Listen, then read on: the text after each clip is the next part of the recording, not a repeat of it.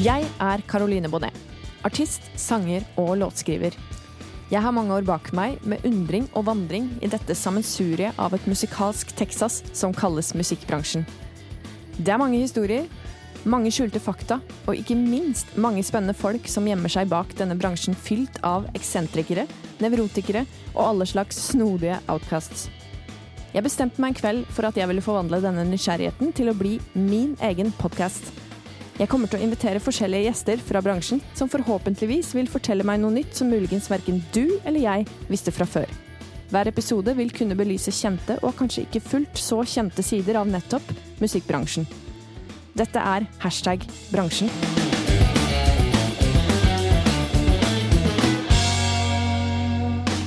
I dag så har jeg fått med meg ringrev og bransjemann som ingen annen, Viggo Lund. Velkommen til hashtag bransjen. Takk skal du ha. takk skal du ha. Jeg syns du oppsummerte det veldig fint her nå. Ja. Ikke sant? Ja. Så hyggelig at du tok deg tid til å komme hit til Lekerommet studio for en prat. Jeg pleier jo sånn sett å gjøre litt research på gjestene jeg inviterer, og har jo gjort det på deg òg. Eh, så tenkte jeg bare si litt om hva jeg vet du driver med i den her berømte bransjen. Du jobber i eh, et managementfirma og som bookingagent, og har jobba med såkalt underholdningsproduksjon, stemmer det? Ja, det stemmer. Ja. ja. Og så har du jobba med eh, kjempemange forskjellige artister og band, blant annet Lillebjørn Nilsen har du vært manager for i en del år. Eh, og ut ifra det jeg leste på sida til firmaet du driver, så uh, vil jeg vel påstå at det er få som kjenner bransjen så godt som deg. Uh, så det blir veldig spennende å snakke med deg om nettopp musikkbransjen, fordi den har jo vært under en enorm forandring og forvandling de siste tiåra, får, får man vel kanskje si, og er jo også i stadig uh, Ja, det skjer jo nytt hele tida. Men når jeg sier uh, hashtag bransjen, hva tenker du da, Viggo? Altså jeg, tenk, jeg, tenker på uh, Jeg er stadig tilbakevendende til det faktum at du har oppsummert det Det er et sånn sammensurium, ikke sant, mm. av, uh, av aktiviteter, da. Jeg f.eks. har drevet med Når jeg har drevet et managementfirma og et bookingfirma, så har jeg jobbet med veldig mange forskjellige ting. Mm. Alt fra danseband til til enkelte artister eller eventer, altså eh, og, og, disse respektive artistene har, har hatt forskjellig karakter og profil. Ja. Så du, når du liksom stuper inn i underholdningsbransjen mm. Uh, og dette har jeg vel sagt før, men det er jo en ubeskyttet tittel, ikke sant. Dette, du kan jo på en måte bestemme deg for at du blir manager, mm, og så mm. en time etterpå så er du i gang.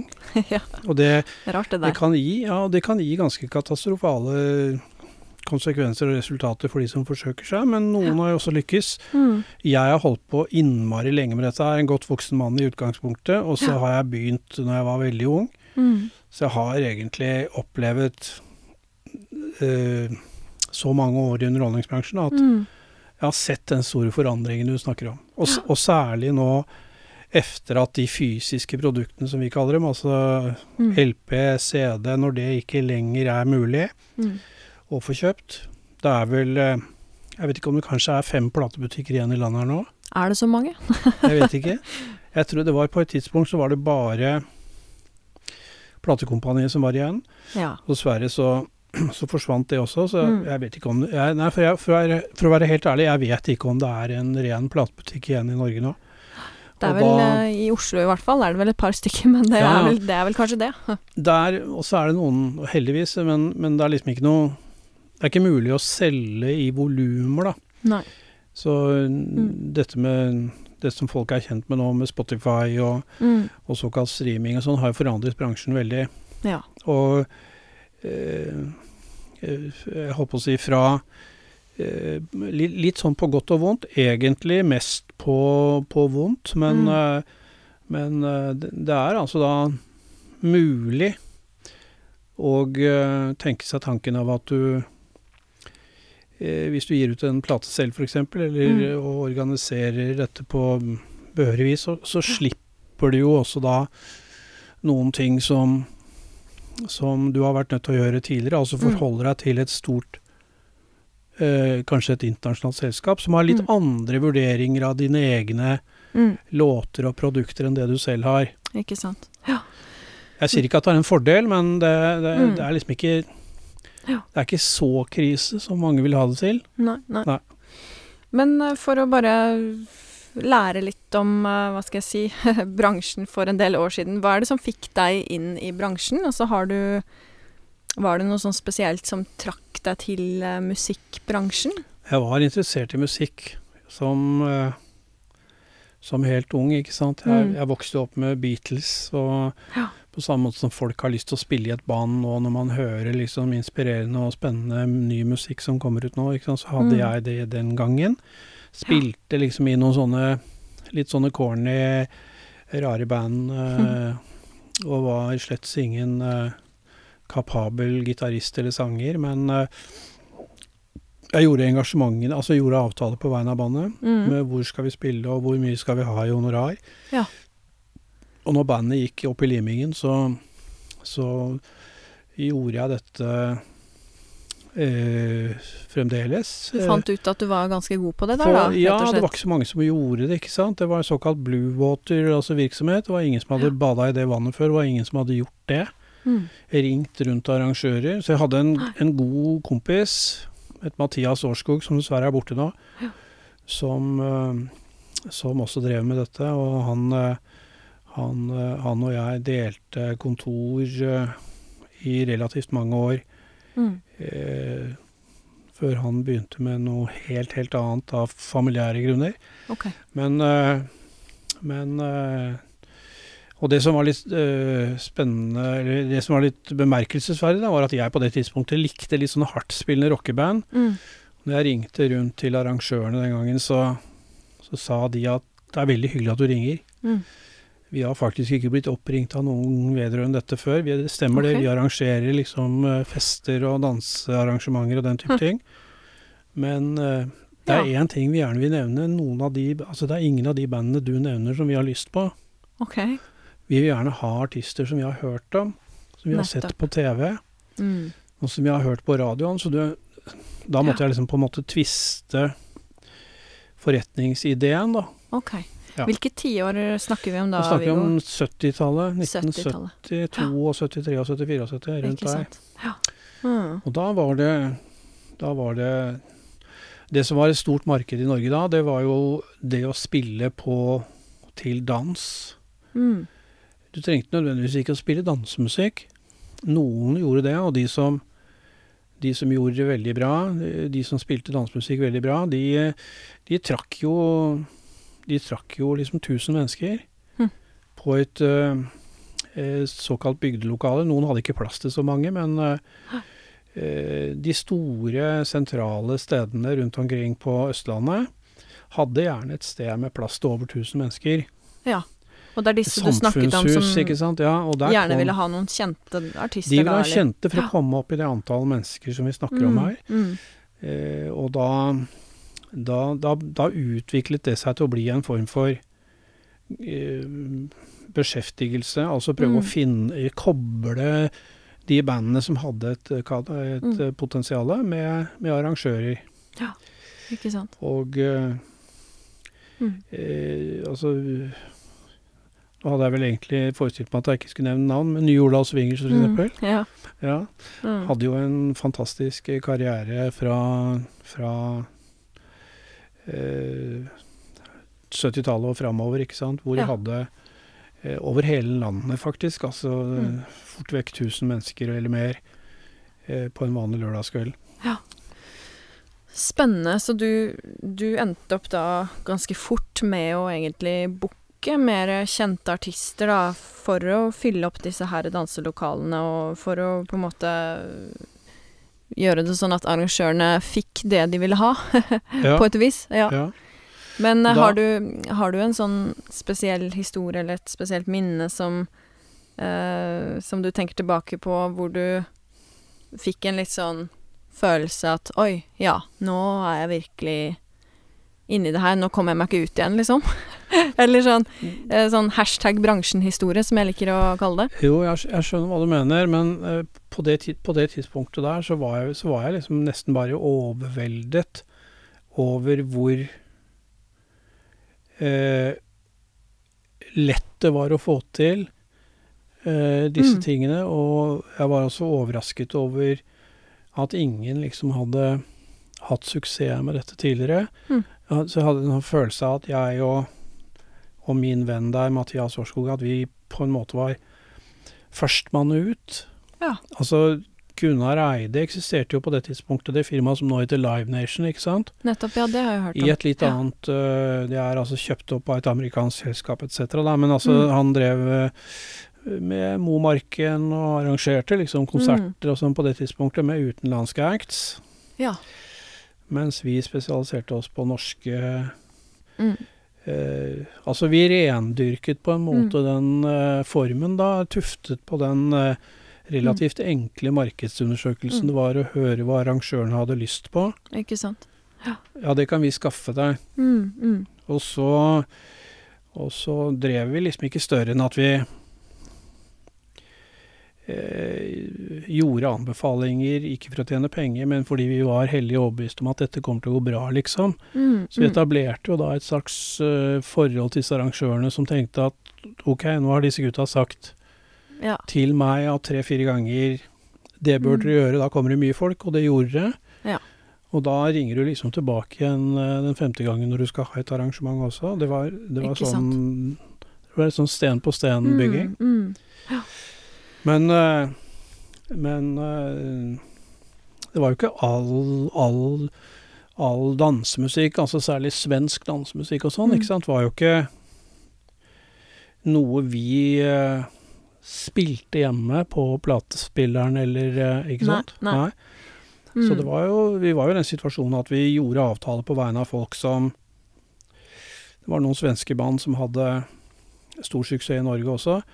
Ja. Som vi liksom ikke hadde som våre personlige favoritter, men Mm, vi mm. visste at dette her var en slags forretning. Da, og Ja, sånn er det vel i platebransjen fremdeles, at folk jobber med ting de i utgangspunktet ikke spiller hjemme, men de vet at de har et stort publikum, disse folka her. Ja, det fins jo mye eksempler på det. Mange sjangere, ikke sant. Ja, ja, ja. Men jeg tenker på uh, Vi snakka jo litt om uh, Før vi trykte på record her, så var vi inne på uh, litt det med feilbooking og litt den derre følelsen av å på en måte Oi, ja, det her var kanskje ikke helt som vi trodde. Altså, for det skjer jo stadig vekk i bransjen at uh, man blir booka til en jobb, og så var det kanskje ikke helt som man hadde tenkt. Eh, ja, begge veier, på en måte. Uh, jeg hadde jo Even Finsrud, en trommis, du kjenner kanskje han, i, som Ja. gjest her. Uh, og han fortalte jo det om en sånn ekstrem feilbooking som han huska veldig godt, hvor, hvor gjestene rett og slett satt der og spiste koldtbord eller hva det var, og de De følte seg helt usynlige, for det, det var på en måte ikke tydeligvis annonsert da, at det skulle være noe musikk der den dagen.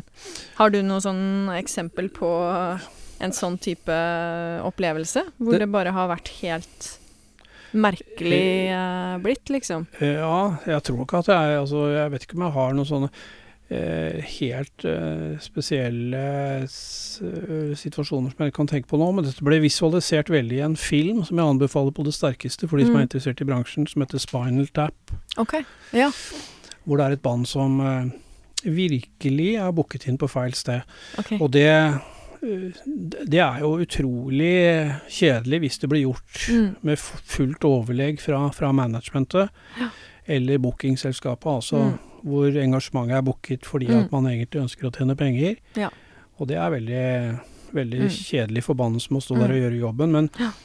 men uh, vi, vi, når du jobber med de tingene som jeg har gjort, altså som manager, skråstrek, booker av, Mm. eller, av band, altså Ja. avtalefeste artister, så, så er det egentlig eh, litt som i proffboksing. Dette har jeg sagt før, men eh, det er enkelte kamper du ikke skal gå. Mm.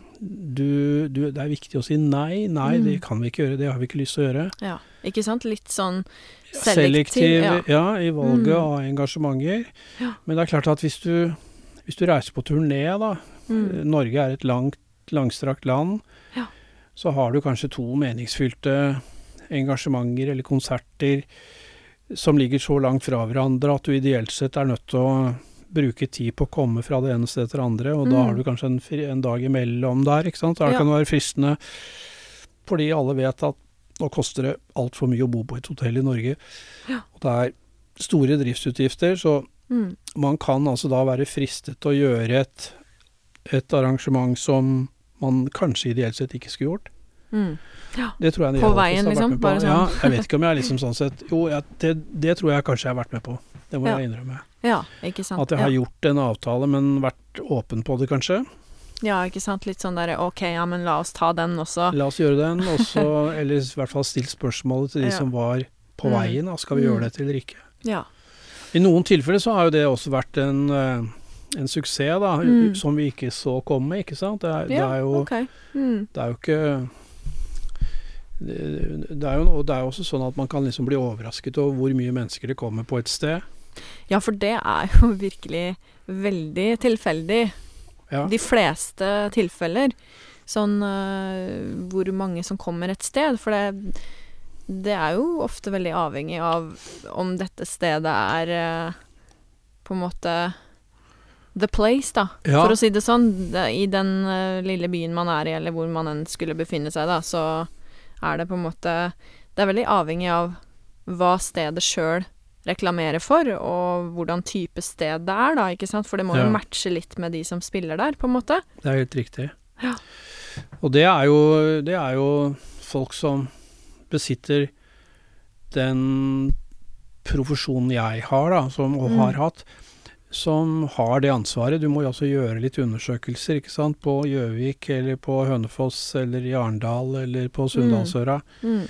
Hvilke steder eh, finnes, og hvilket sted passer best for den acten som du liksom representerer akkurat der og da. Ikke sant. Noen steder er jo liksom et, kanskje et visested, ikke sant. Andre Ja. er en slags eh, Nå er det ikke så mye igjen av diskotekene, men tidligere var jo det til Mm. en pest og plage for mange band, ikke sant. Ja. Du spilte på et diskotek, Mm. Mm. og eh, det eneste stedet det ikke var lys, var akkurat der du sto og spilte, ikke sant. Og det, det, det med blinkende gulv og det som verre var, hadde han sagt. Men, Mm.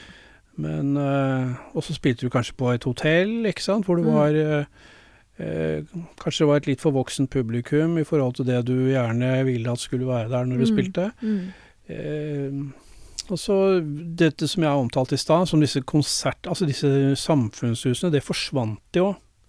Ja, hva skjedde med det, da? Ja, det, det- det var vel egentlig sånn at eh, når disse diskotekene kom, Ja.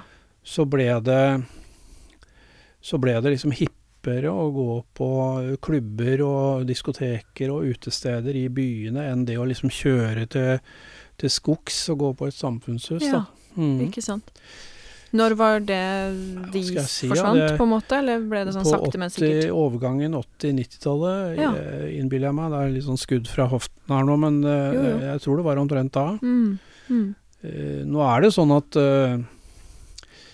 at det kanskje kan være aktuelt den dag i dag å ha et sånt arrangement, men jeg tror ikke det er mange av dem, altså. Det, men Så det er jo ikke bare platesalgsdelen som forandrer seg nå Nei. fra liksom Mm. salg av CD-er til streaming, men det er jo Mm. også de stedene man spiller på. Nå har det jo vært nå er det, jo ikke en, det er jo ikke en norsk by nå med respekt for seg selv som ikke har en eller annen form for eh, festival, ikke sant? Nei, det er sant. Er det Festivaler i, i alle mulige sammenhenger. Norge er vel det landet i verden som har flest festivaler per innbygger? Ja, Er det tror, riktig? Det, det, det har jeg ikke noe tall på, men Det jeg jeg, tviler ikke et øyeblikk. Altså, Ja. fordi at nå er det Det er ikke måte på hvor mange festivaler, og, og veldig Mm. mange av dem eh, går jo så langt jeg kan skjønne dårlig.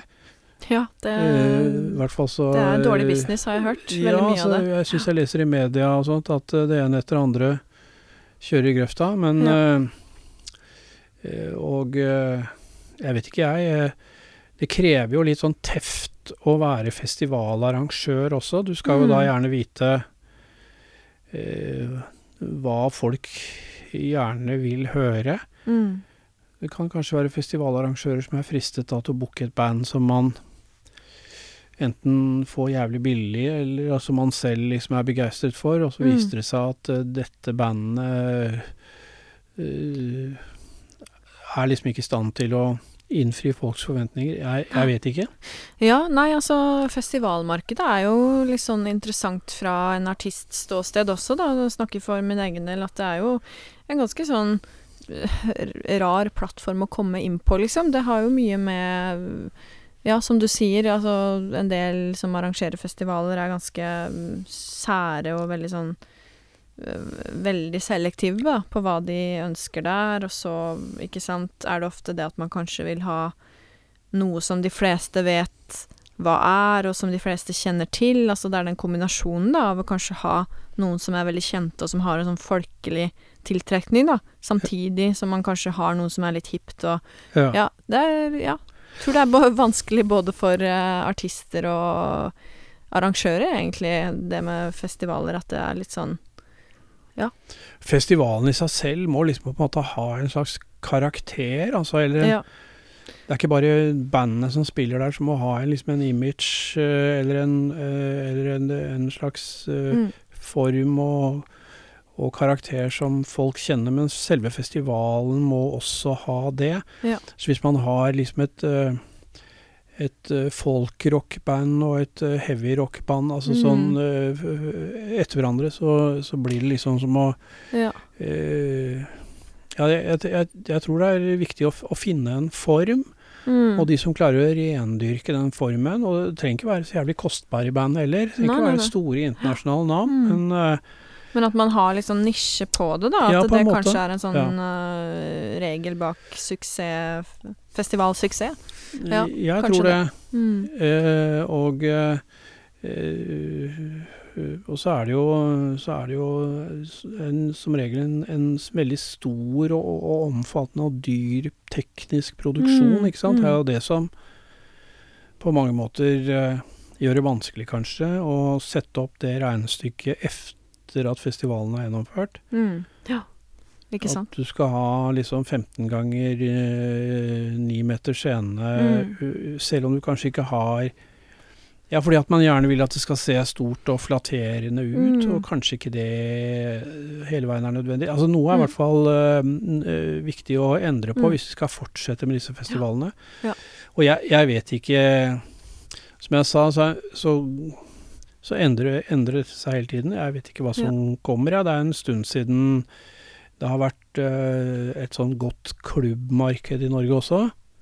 Ja, det er mener, kanskje det. ti- ja, 10-15-20 år siden så var Mm. det kanskje enhver norsk by hadde en, eh, en etablert eh, rockeklubb eller en klubb ja. med plass til 400-500 mennesker, hvor du, som hadde et permanent anlegg som hang der, som var jævlig bra.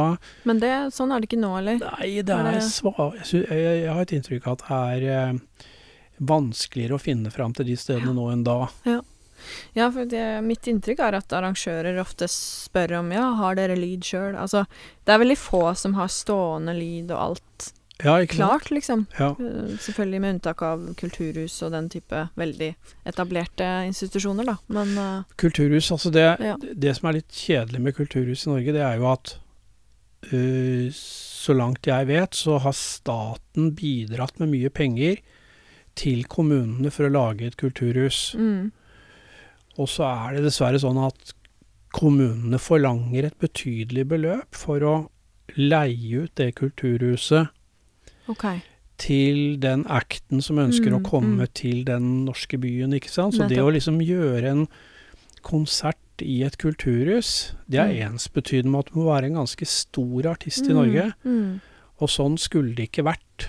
Jeg Nei, mener at så lenge Jeg mener at kommunene skulle vært mye mer moderate i forhold til eh, hva det koster å Ja. leie kulturhuset, sånn at de menneskene som bor i disse norske byene, kunne oppleve nykommere, folk som er på Mm. vei opp, og folk som ikke har råd til å betale 50 000-60 000 inklusiv alle utgifter Ja, for å leie et kulturhus med plass til 400-500 mennesker. Altså. Ja, det syns jeg høres veldig fornuftig ut. Vi Det bør stemmer være for en det. liten kamp, kampsak for bransjen, egentlig. Ja, ikke sant. Ja, for det er klart. Og særlig hvis du er et veldig- konsertband, ikke sant, som ikke Ja, kan ja. spille på Mm. Altså, du må Du må Du spiller en konsert, ikke sant, på halvannen Mm. time. Ja. Da bør du ideelt sett inn på et kulturhus, Mm. hvor de som er interessert i akkurat den musikktypen kommer, og der henger et permanent anlegg. Ja. Og det bør subsidieres, eller Mm. at kommunen må liksom være mer avholdende i forhold til Og ikke så griske på u- utleiepenger. Ja, helt enig. Absolutt et veldig godt poeng. For det er klart, som du sier, når de her tradisjonelle klubbscenen, da på en måte blir færre og færre, og et band eller uh, en artist som ikke har et veldig kjent navn, skal spille i en ny by, så er det på en måte veldig bakvendt da, at det man har å velge mellom av scener, det er enten en brun pub hvor alle vil høre Proud Mary, eller så er det Kulturhuset, hvor uh, du må betale mangfoldige tusen for å spille. Altså det blir litt sånn pest Ja. eller kolera, da. Ikke sant? hvor skal man spille, liksom? Ja. Det er, eh, altså det, jo mer jeg tenker på det, jo, jo, jo verre er det å tenke på at du må betale et relativt betydelig beløp. Ja.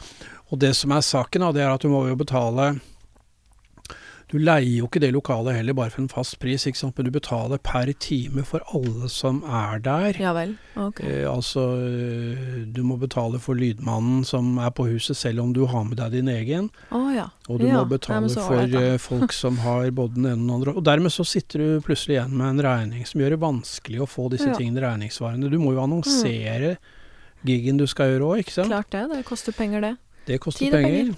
Ja. Og eh, eh, da, da ender du opp med den puben hvor folk Mm. gjerne vil høre Proud mer. Det er min Mm. erfaring. Det er uh, egentlig ganske trist. Så det må jo komme en ny æra, tenker jeg. At ja, det må på en måte Det må jo finnes nye veier og nye baner i den herre Ja, uh, hva skal jeg si Den De mulighetene, da, for eh, folk som ønsker å spille, og som har noe nytt å komme med, liksom. Det Dette bør bli en kampsak eh, for, for bransjen som sådan. Ja. Ja. Absolutt. Absolutt. Så de som er eh, organiserte og hører på det her, gjør noe med det her, da. Det er Ja. seriøst, liksom. Det er uh, virkelig noe å ta tak i, for uh, ja. Bransjen har vel kanskje aldri vært så vanskelig og komplisert og rar som den er nå. Jeg vet ikke, hva, hva sier du til det? Nei, det tror jeg du har rett i. Hva, hvis du kan på en måte oppsummere bransjen med ja, noen Jeg gir deg, gir deg noen setninger, da, sånn i forhold til hva er de største forandringene fra du starta og til nå, da, på en måte. Hva tenker du er største- hovedessensen i Den det her? Den største og, og, den, og den viktigste forandringen eh, er, er i seg selv en liten katastrofe. Ja, Eh, ok. På 70-tallet, hvis du ga ut en plate, så kunne du da sende den platen til kanskje 50 forskjellige journalister Mm. i, i de store avisene, og særlig da i NRK, ikke sant? Mm. Og da kunne hver og en av de artist, ja, journalistene som fikk denne platen tilsendt, selv velge ut fra eget forgodtbefinnende om de ville spille platen eller ikke i de programmene de hadde. Okay. Nå er det eh, formatering, ikke sant, Ja. i, i NRK. Det betyr at det sitter altså syv personer Ja. i Norge som bestemmer hva som skal spilles på P1. Syv personer? Syv personer. Og Oi. en gang iblant så setter de seg, jeg vet ikke hvor ofte, kanskje en gang i uken, hver 14. dag. Dette har forandret seg litt. Da setter de seg ned og bestemmer hvilke plater som skal ha rotasjon, som det heter, Mm. ikke sant? Om de skal A-listes, B-listes eller C-listes på Mm. P1. Det betyr at man da får, får eh, Hvis man eh, blir A-listet, så får man kanskje 250-300 avspillinger i året, ikke sant? Altså Nettopp. i snitt uh, i underkant Mm. av én om dagen. Ja. I et eller annet program, enten tidlig Mm. om morgenen eller midt på dagen eller på natten. Ja. Uh, og eh, det er et mindretall av norske journalister som får lov å velge ut sine egne låter. Og det betyr i praksis at du er veldig prisgitt de personene som sitter og bestemmer Ja, hvilke Det gjelder å ikke bli uvenner med de, Ja, det kan for du si. si det sånn. Eh, og eh, eh, Jeg vet ikke heller om det hjelper å bli venner med dem. Altså det, eh, det Det er i hvert fall sånn at dette er et system som minner veldig mye om det som var i Sovjet på 60-tallet. ikke sant? At det sitter Ja. noen få mennesker og bestemmer. Og det at ikke norske musikkorganisasjoner Og det er jo, det er jo øh, noe vi noe vi egentlig sånn sett vet eksisterer. Litt forskjellige musikkorganisasjoner som liksom skal ivareta artistenes interesser og sånn. Men jeg syns at i tillegg til denne kampsaken som vi var inne på i stad, med Ja. å få kulturhusene til å ville leie ut disse lokalene for en overkommelig penge, eller Mm, lage en mm. sånn delingsmodell som gjør det mulig å ha konsert, en konsert i en hvilken som helst norsk by, Mm. selv om du kanskje ikke forventer mer enn 100 mennesker. Ja. Og hvis du ikke får mer enn 100 mennesker, så har du nemlig ikke råd til å betale den regninga du får etter å ha til hatt de konsertene. Hvis du spiller på noen av de stedene nå, Mm, mm. så er det jo akkurat dette med, med formatering i, Mm. i NRK. Ja. At, eh, at ikke organisasjonene tar tak i den situasjonen og sier at dette vil vi ikke være med på. ja, for det er jo ganske urettferdig, da. Det Det er det, altså. Det- men når var det det ble sånn? Var det det Altså Foranledningen er at P4 hadde veldig suksess med det mm. når P4 ble etablert. fordi at da tror jeg ledelsen i P4 sa til de journalistene som jobbet i P4 at vet du hva, vi er en kommersiell kanal. Vi selger, vi selger eh, reklame. Mm. Og da må vi sørge for at ingen skrur av eller bytter over til en annen kanal, men hører på P4 hele tiden. Derfor så må vi ha de mest, mest de, de, de, vi anser som mest populære eh, låter, Mm. Mm. hele tiden om igjen og om igjen. Ja. Og da bestemte NRK seg for, tror jeg, for at de måtte gjøre noe samme for å liksom på en måte komme den moderne tiden i møte. ja. Og det Du kan si at alt er jo formatert i NRK nå. Hvis du hører på nyhetene flere ganger om dagen, så, Mm. så hører jo de samme nyhetene, ikke sant? Ja, ja, ja. Det er Jeg vet da faen om de har en teip ja, de setter på, og så bryter de inn hvis de liksom har eh, Mm. brent ned et sentralt eh, bygg. Ja, Men eh, da blir det liksom en liten endring. Men ellers er Mm. det de samme tingene som går igjen. Og selv uh, på TV, uh, Dagsrevyen, Mm. Kveldsnytt og sånn, det er, Mm. det er påfallende like sendinger, da. Ja, og det er en slags mentalitet, tror jeg, som dessverre har forplantet seg. Og det er, Mm. det er jo enkelte somre så lurer du på hvorfor i all verden går denne svenske gamle ABBA-låten Mm. i ett formanna sett her nå, så lenge norske artister gir ut Ja. plater i ett sett. Tenk på det. er jo Eh, egentlig Hvorfor veldig har man valgt gjort. å spille eh, denne låten Mm. til det kjedsommelige? Ja. Og da er det altså de syv da, som har funnet ut at nå skal vi gå sommeren i møte med denne gøyale låten som kom ut for 30 år siden. Og som uh, Mm. Ja, i den Mm. tro at dette skal være noe som publikum er jævlig fornøyd med. Mm. Jeg syns ikke det er riktig. Nei. Det er et veldig godt poeng, og jeg er helt enig. Det, det er flere ting her som kommer opp som bare Hm, det er ganske egentlig underlig at det går an å holde på sånn uten at noen reagerer, da. Som f.eks. organisasjoner og folk, sentral, folk i sentrale posisjoner som observerer det her, og bare la, lar det være sånn. Jeg syns det er rart. Men uh, ja. Og der er det sånn at uh, i i sånne politiske sammenhenger ikke sant, så er det én person som liksom prøver å fighte ting alene. Det blir Mm. ikke alltid vellykket. Men når det er en organisasjon mm, som liksom kommer på banen og sier at vi vil ha forandring, så blir du på en måte overfor myndighetene tatt på alvor på en litt annen måte. Jeg, jeg håper jo Ja. Og det er jo, det er jo sånn også at de norske, eller musikkorganisasjonene har jo også forhandlet fram en avtale på, artist, for, på artistenes Mm. vegne mm, med streamingselskapene som er jævlig dårlig. Ja.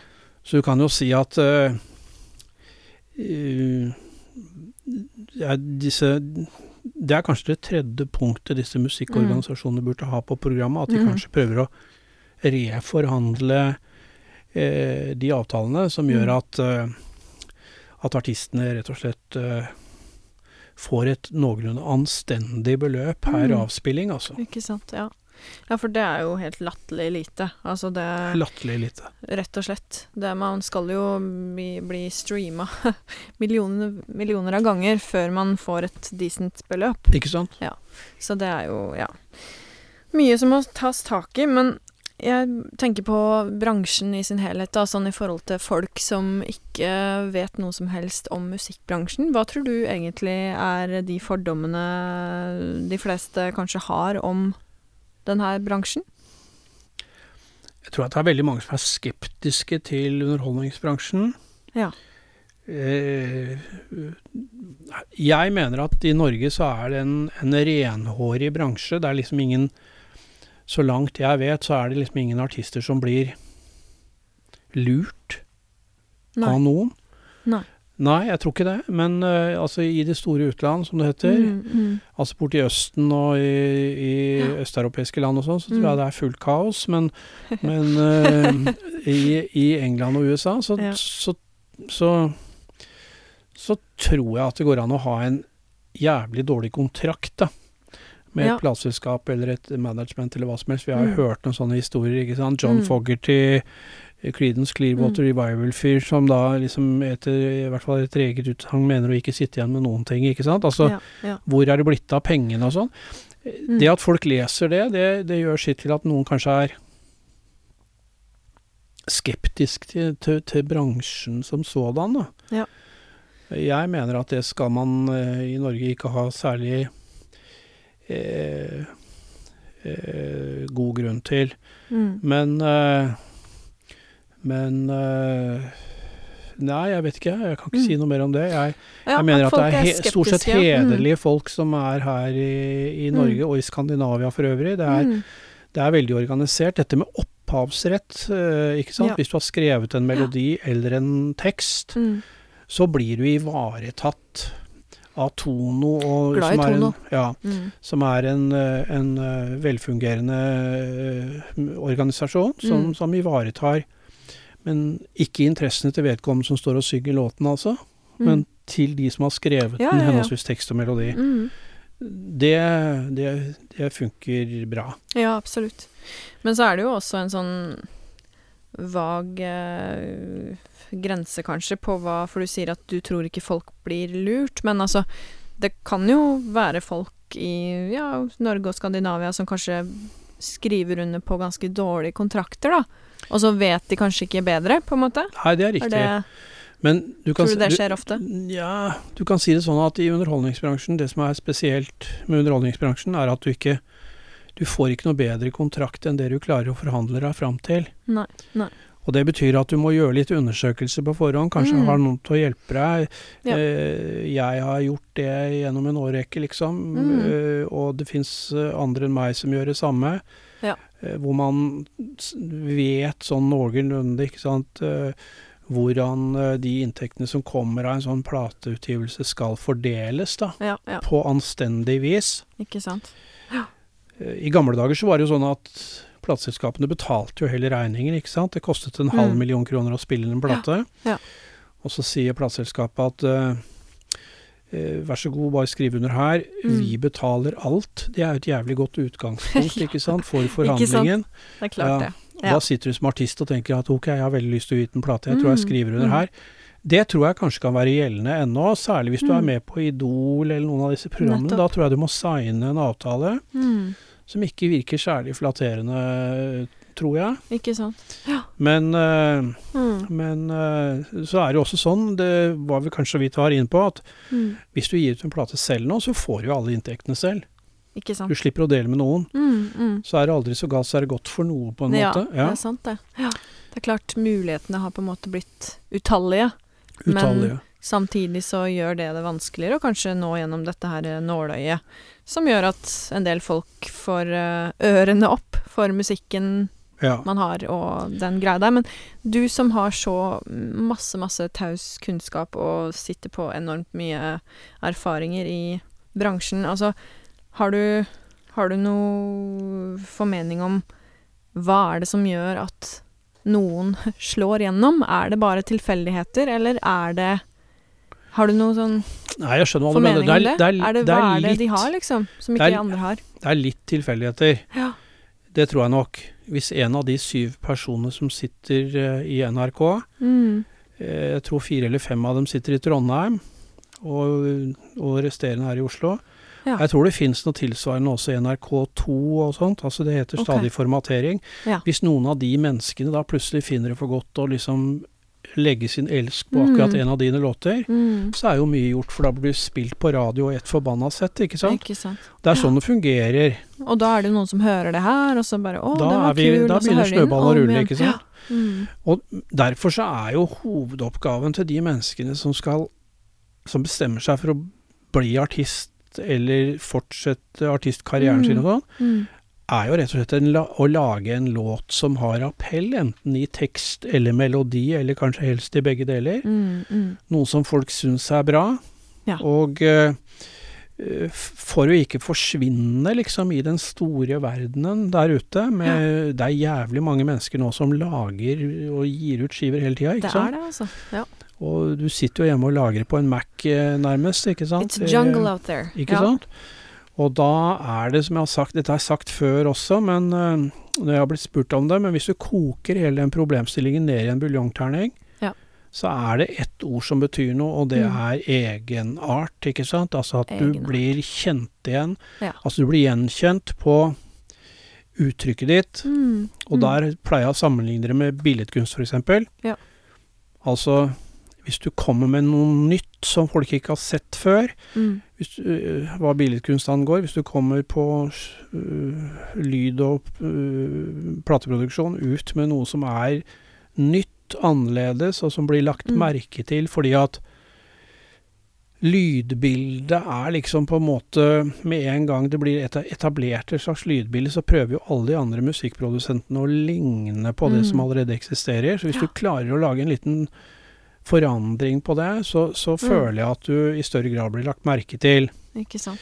Ja. Og det er jo Jeg vet ikke eh, Jeg tror det er så enkelt eh, og, og ikke minst så vanskelig Mm. i samme åndedrag, hvis du skjønner. Godt svar. Og Ja. det er jo virkelig noe å tenke over sånn for alle som lager musikk eller kunst eller hva som helst. Altså bare prøve å finne fram til den essensen i sitt Ja.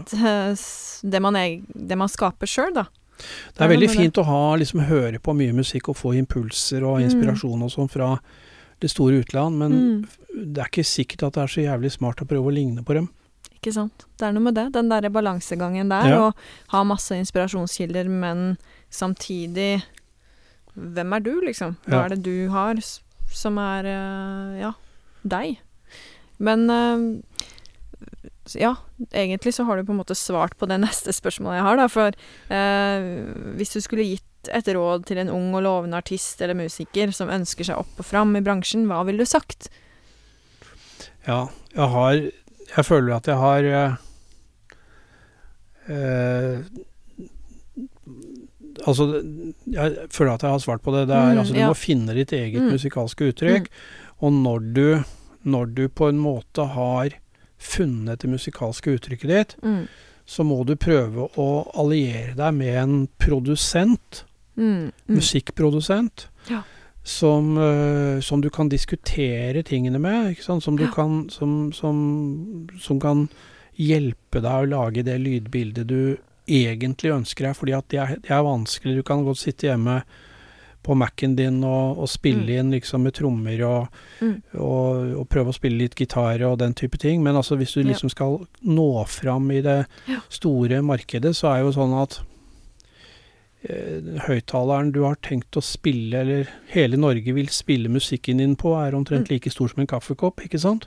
Tenk på det. Og det Og da må du Mm. ha en, eh, en musikkprodusent Ja. som klarer å liksom komprimere greiene og Mm. få det til å låte bra mm. Med en høyttaler som er så stor som en kaffekopp. Det er veldig sånn godt poeng, og så kjenner jeg at jeg blir nesten litt sånn fascinert og frustrert på samme tid når jeg tenker over at de enhetene da, som folk faktisk hører musikk på, de er såpass eh, forenkla, som du sier, da, ikke sant. Det er en Ja. liten høyttaler, og det kommer ut kanskje i noen øreplugger eller Ja. Og så sitter man da i timevis og på en måte vurderer eh, i det vide og det breie hvor skal bassen ligge i eh, lydbildet. Altså, det har jo ekstremt mye å si i en eh, prosess av Altså når, når en låt blir skapt, men at det på en måte ender opp med å bli så komprimert, og at folk til og med spiller rett fra mobiltelefonen, ikke, Ikke sant? sant? Altså det Enda verre, ja. Ja. og da der også, også må du jo eh, Når du har kommet så langt, så, så er jeg ikke sikker på eh, Hvis du får en, en god kontrakt med et etablert plateselskap da, som, Mm. som, som kan gamet, og som, eh, og som er begeistret for det du har laget, mm, mm, så er det kanskje noe å jobbe videre med. og Prøve Ja. å få en, en kontrakt som gjør det Mm. mulig å eh, leve med. Alternativet er å, å, å gi ut ting selv. Det er en lang ja. prosess, det også. mm. Men, som jeg, og da, men da får du altså da, da, får du, da er det ingen du trenger å dele pengene med. Ikke sant. Det er jo noe med det. Og da, eh, da fins det jo noen Det fins jo noen som eh, en gang i halvåret kommer opp med en så fin låt som Mm, hele Norge legger sin elsk på. mm, mm. Uh, og det tror jeg er mulig å få til selv om du ikke har et plateselskap. Mm, mm. Du må bare få den spilt, og så må folk begynne å snakke om det. Og så Ja. må, som jeg sa i stad, hvis det er en eller annen journalist i en eller annen eh, Det som er litt synd, ikke sant, det er jo at nærradiostasjonene på 80-90-tallet så hadde vi store forventninger til nærradiostasjonene. Nettopp. Vi trodde det skulle bli et veldig godt alternativ til NRK. Ja. Men det føler jeg at det ikke er. Hvis du leier deg en bil i USA, hvis du reiser til USA, Mm. til Texas eller hva du vil, så er Ja. det kanskje 50 radiokanaler, vet du Ja. i leiebilen, ikke sant, som er Mm, programmert inn på forhånd. Så du har liksom egen countrykanal, eller vil si du har tolv av det, og så har du Mm, liksom popmusikk på de neste tolv, og det er ikke måte Mm. på. Så det er også en sånn Mm. kultur som jeg gjerne skulle sett at hadde figurert bedre, eller fungert bedre i Norge. At det var flere muligheter, ikke sant. At hvis Mm. Ja, du ikke ja. blir spilt på NRK, Ehm, så kunne du gått på Men det, det virker som en del av disse nærradiostasjonene eh, ikke eksisterer i samme grad som tidligere. Ja, jeg også har litt det inntrykk etter det Var det DAB som skjedde? Ja, det var nå én ting. Var, ja. Ja, det er da en annen dab- historie, da har det så dabbet av, som det heter. ja, da har det dabbet av.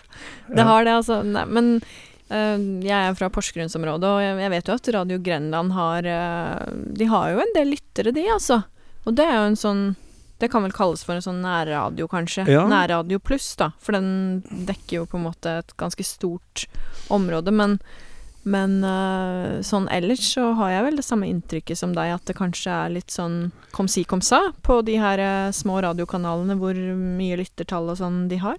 Det var liksom Radio 1, ikke sant, som Ja. var ganske store, og så var det Radio Nova, var studentradio. Mm, mm. Jeg vet da fader jeg, om det er jeg som liksom sånn sett nå egentlig ikke har fått med meg hvordan verden er på radiofronten, men mitt Nei. inntrykk er i hvert fall at det jeg kanskje trodde skulle bli litt sånn som i USA, Mm, at det er mange forskjellige muligheter, mm. eh, det har liksom ikke blitt helt sånn som jeg hadde forestilt meg. Nei, ikke sant. Men, øh, Mm. men eh, ja, Mm. det, det må vi også få litt forandring på. Nå er Mm. sak nummer fire nå, Sak nummer fire. Nå, nå bør jeg snart begynne å notere, for nå begynner det å bli en del på lista. Jo, men sak nummer fire er altså at de forskjellige musikkorganisasjonene må, Ja. må sørge for at uh, myndighetene liksom gir konsesjon Mm, til flere lokale radiostasjoner. absolutt. Valgmuligheter. Altså, man må jo kunne velge Ja. hva man vil høre på. Ja, ja. Det er jo liksom Ja. Nå blir det større og større enheter, ikke sant. Altså, jeg har liksom ikke tenkt så mye på dette med Viken, eh, som det nå heter, ikke sant. Men Ja. jeg er jo ikke så interessert i, eh, ikke til noen forkleinelse av Halden som sådan, men altså lokale forhold. Nei, det er klart det. Parkeringsproblemene i Halden og sånn, er ikke noe som fenger meg, Begrenser seg litt hvor mye man eh, kanskje ønsker å høre på det. ikke sant? Hvis man ikke bor i Halden. Det er Ja. det jeg mener. Ja. Så hvis vi kunne fått noe sånn dekket Mm. område her Ja, Her? ja, det hadde Ja. vært ålreit. Nei, faen, nå syns jeg vi har fått en jævlig bra opplisting eh, eh, av, av uh, saker. Mm, mm. Hvis vi får laget vei i vellinga her, som det heter, Ja, ja. både du og jeg, Mm. og at vi får med oss flere, så kan det kanskje bli bedring på sikt. Ikke sant? Det, det får vi virkelig håpe, og jeg har trua, jeg. Jeg har trua Ja. på det. Bare E- egentlig så er noen tar det- tak i det. Ja, det er jo sånn som det var når Elvis holdt på, at uh, hvis du lager en kjempelåt, Ja. så er du der. Ja. Og det er jo det som gjør at denne bransjen er så fascinerende som den er, ikke sant. Mm. Altså, du sier hva, hva slags råd skal jeg gi til de menneskene som har lyst til å etablere seg? Mm. Det er veldig mange mennesker som har lyst til å etablere seg fordi at Ja. du kan være Og det er ikke noe galt i det, du kan være hva som helst, ikke Mm. sant? Mm. Eh, eh, på torsdag, Ja. og på en uke senere så Mm. er du en etablert artist, da, eller i hvert fall et kjent ansikt. Ja. Hvis du lager den rette låten. Og det, det er jo Mm. ikke så mange andre bransjer det er mulig i. Nei. Det er, eh, det er jo en eventyrlig bransje, da. For Ja. det er jo sånne fascinerende historier om, ikke sant. Som Ja. du sier, at ting kan plutselig skje, og så er det Så blir låta spilt overalt, og så blir det en sånn suggerende effekt, da, ikke sant. At Ja. er det først én av de her syv menneskene som, som eh, kicker på låta, da, så ok, så er ballen eh, Da Så er du i farta. Ja. Ja. Eller du gjør én legendarisk eh, TV-opptreden som veldig mange ser, ikke sant. Altså hvis du er med på et TV-program. Ja. Fins jo mange historier om det, om folk som Mm. liksom ble populære over natten, som det heter. Mm. Men hvis du til sammenligning da bestemmer deg for å bli skipsreder, så tar det Mm. litt mer enn ei uke, liksom. Det gjør, eh, det gjør vel Derfor er det veldig mange som velger artistbransjen, tror jeg. Mm, Ja. Ja. Ikke sant. Men har du sånn Nå begynner vi å nærme oss uh, slutten her. Se på klokka at uh, tida flyr. Uh, men når du ser tilbake da, på den lange karrieren du har hatt, og fortsatt har, i bransjen, er det noe du ville gjort annerledes, eller når du ser tilbake, da, sånn som du på en måte angrer på, eller at du tenker at ja, hvorfor innså jeg ikke det tidligere, eller Er det noe du liksom Noe som jeg- ja. bemerker seg der? Jeg tror kanskje at altså det som nå er et relativt, eller har vært, nå er det koronatider, så nå er det ikke Mm. Men det er, håper jeg er liksom veldig begrenset i tid og omfang, ikke sant? I Ja. tid, da. Men, øh, men uh, dette eventmarkedet, som er ganske stort nå, der, Mm. der følte jeg at jeg kanskje så det komme uten helt å, å gjøre noe særlig ut av det. Ok. Det er vel uh, Og så er det noen artister jeg har uh, eh, eh, hatt veldig tro på som jeg for så vidt eh, ikke har fått så god respons på hos media Mm, som jeg hadde håpet på. Ja. Og da eh, skulle jeg gjerne forsøkt en gang til. Mm. Eller kanskje valgt en annen låt å presentere for, for ja. musikkjournalister og for publikum som sådan. Mm. Men eh, mm. jeg- vet ikke om jeg har noen Jeg vet ikke om jeg har noen sånne ting som jeg liksom ville laget eh, gjennomgripende for, forandringer på. Så det, det er eh, Går an å si at jeg er liksom rimelig fornøyd med, Ja. det, med disse årene i underholdningsbransjen. Ikke sant? Så bra. Utrolig spennende og hyggelig å ha deg her, Viggo. Eh, du har virkelig masse, masse kunnskap og erfaringer som er kjempe, kjempeinteressant å høre på. Lært masse. Jeg sier takk for at jeg fikk være her og snakke med deg om dette. Syns det var moro selv, jeg. Ja, så bra. Tusen takk for at du lytter på hashtag bransjen.